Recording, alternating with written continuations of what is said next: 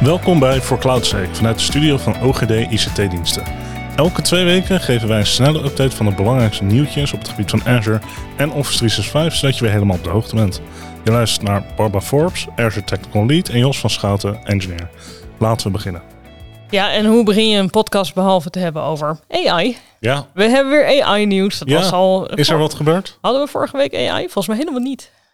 Daar was ik niet bij. Nee, jij was er niet bij. Maar volgens mij hadden we geen AI. Dat is die ene keer dat het niet was, hebben we Ah. gewacht dat jij er niet was.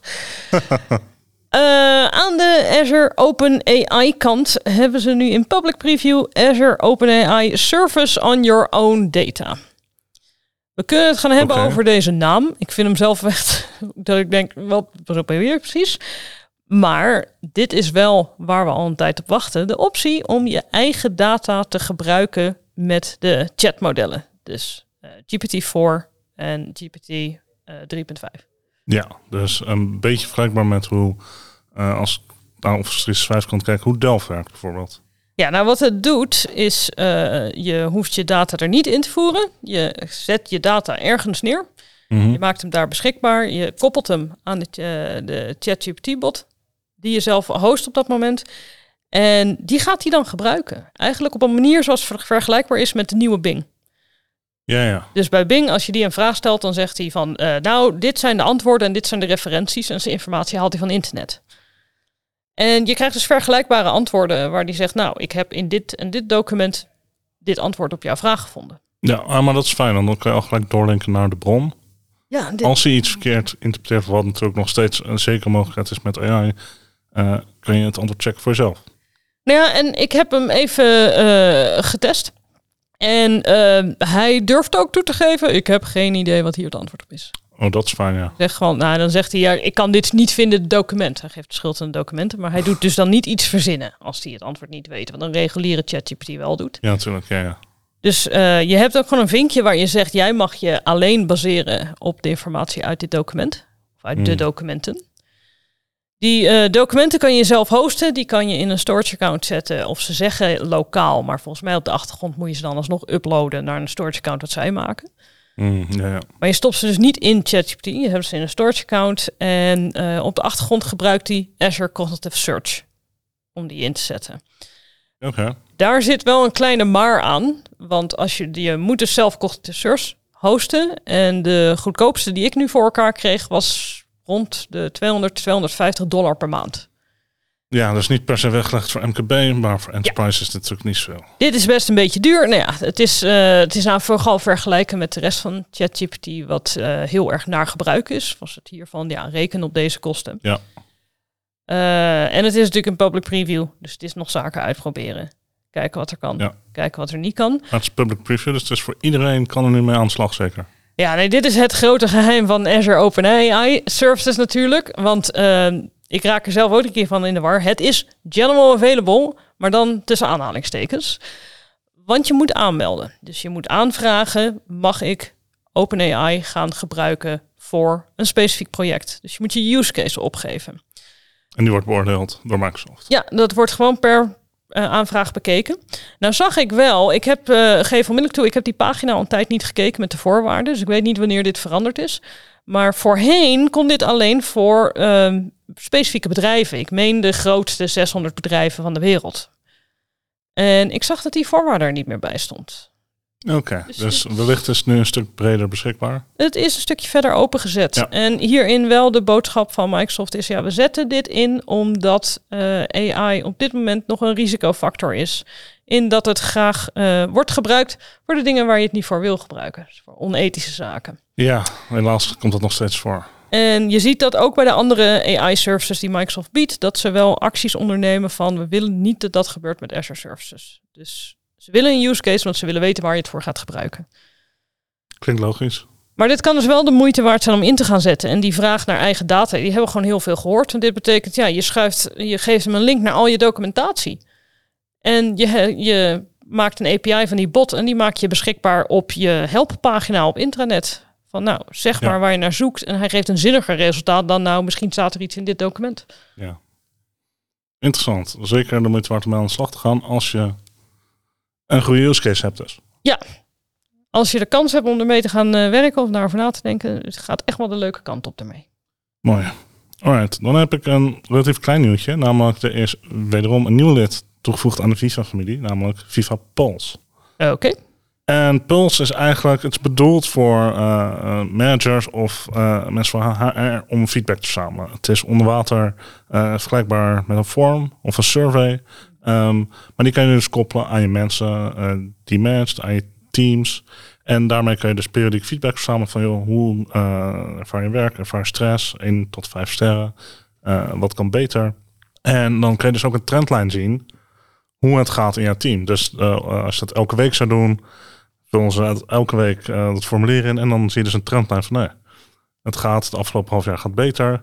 Alle suggesties die gedaan worden, worden er ook ingecaptured over alle surveys heen. Dus uh, misschien willen mensen meer thuiswerken, uh, om even bij het HR voorbeeld te blijven.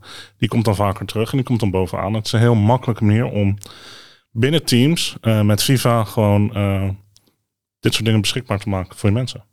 Maar dat is echt gewoon, zeker voor grotere organisaties, heel erg bruikbaar. Ja, eigenlijk elke grote organisatie die ik het heb gezien, hebben third-party tools om zoiets ja. te doen. Kan nu allemaal met FIFA. En het is ook kleinschalig als het inderdaad op teamniveau kan. En dat vanzelf wordt bijgehouden, dat is zeker. Maakt het ook veel laagdrempeliger. Ja, dan, nou vooral dat laatste inderdaad. Maakt het veel laagdrempeliger. Iedereen kan er gebruik van maken. Uh, het zit alleen dus niet in je E3 of E5 licentie. Het zit in de, wat nu de FIFA Suite heet. Ja, ja, dus uh, je moet FIFA afnemen om dit erbij te krijgen. Ja, en dat kost, uh, ik weet niet de Nederlandse prijs, maar het kost 12 dollar. Zag ik op de Amerikaanse website. Het zal 12 Volgens mij is euro. het vergelijkbaar in de Europese ja. prijzen. Dan is natuurlijk wel de vraag, daar worden continu dingen aan toegevoegd. Ja, maar dan heb je dus wel alles. Dus je hebt een FIFA Suite en dan heb je gewoon al die FIFA producten, die heb je. En uh, het is niet een Turing model zoals uh, E3 heb je deze features, een Basque en Premium. Uh, en die heb je op E5 heb je dat dan wel.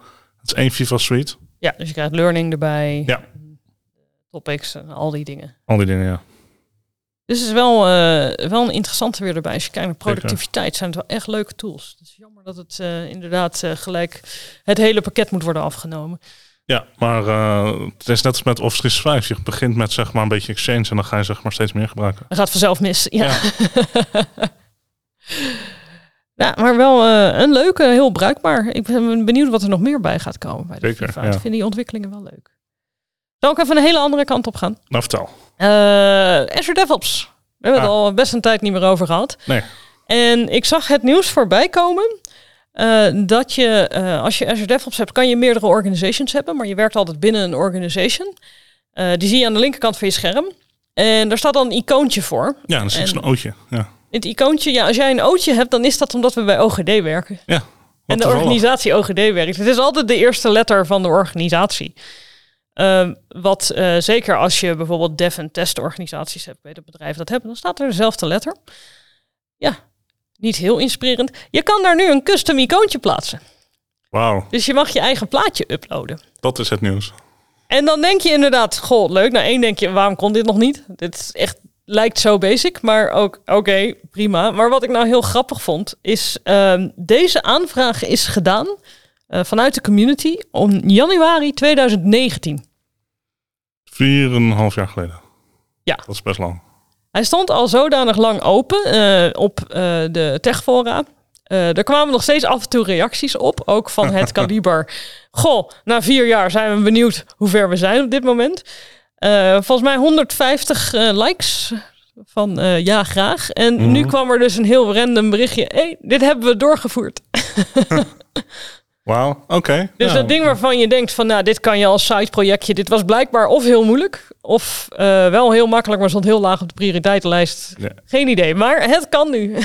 En uiteindelijk heeft iemand gewoon maar oké de home. Ja, Oké, we gaan dit doen. Dus je kan nu je eigen plaatjes. Ik raad iedereen aan dat massaal te gaan doen om te laten zien hoe blij we ermee zijn. Kan niet ook gifjes? Ik denk dat je daar een nieuw request voor moet aanvragen. Jammer. en dan over vier jaar? Ja, precies.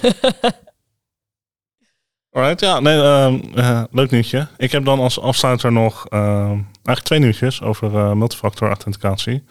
Dus het eerste nieuwtje is ehm, System Preferred MFA is nu general available. Dus jij kan als user kan je meestal opgeven welke MFA-opties je hebt. Dus je kan bellen, sms'en, je kan de app gebruiken. Ja. Eh, en dan kan je zelf kiezen van, hey, eh, Welke moet je als eerst doen? welke moet je als eerste doen. Met System Preferred MFA kan je dus, eh, en je moet het zelf instellen als admin. Dan kun je dus zeggen van, hey, deze user heeft deze optie geconfigureerd. Gebruik altijd de meest secure optie.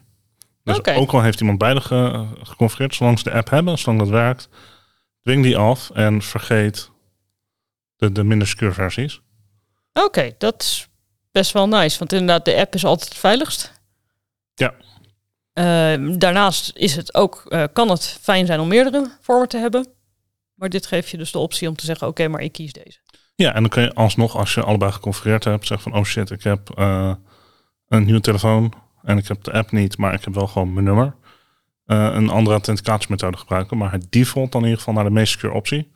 En het is gewoon eh, iets wat je in de portal kan instellen met een vinkje. En dan staat het aan. En Microsoft zegt ook vrij sterk in de, in de blogpost van, hey, we strongly recommend turning this feature on. Ja, doe eens, doe eens, ja. Ja. Het is wel eentje van de, de kleine dingen die je blij maken. Ja, precies. Dan is er aan de andere kant nog een ander klein nieuwtje, namelijk eh, voice OTP.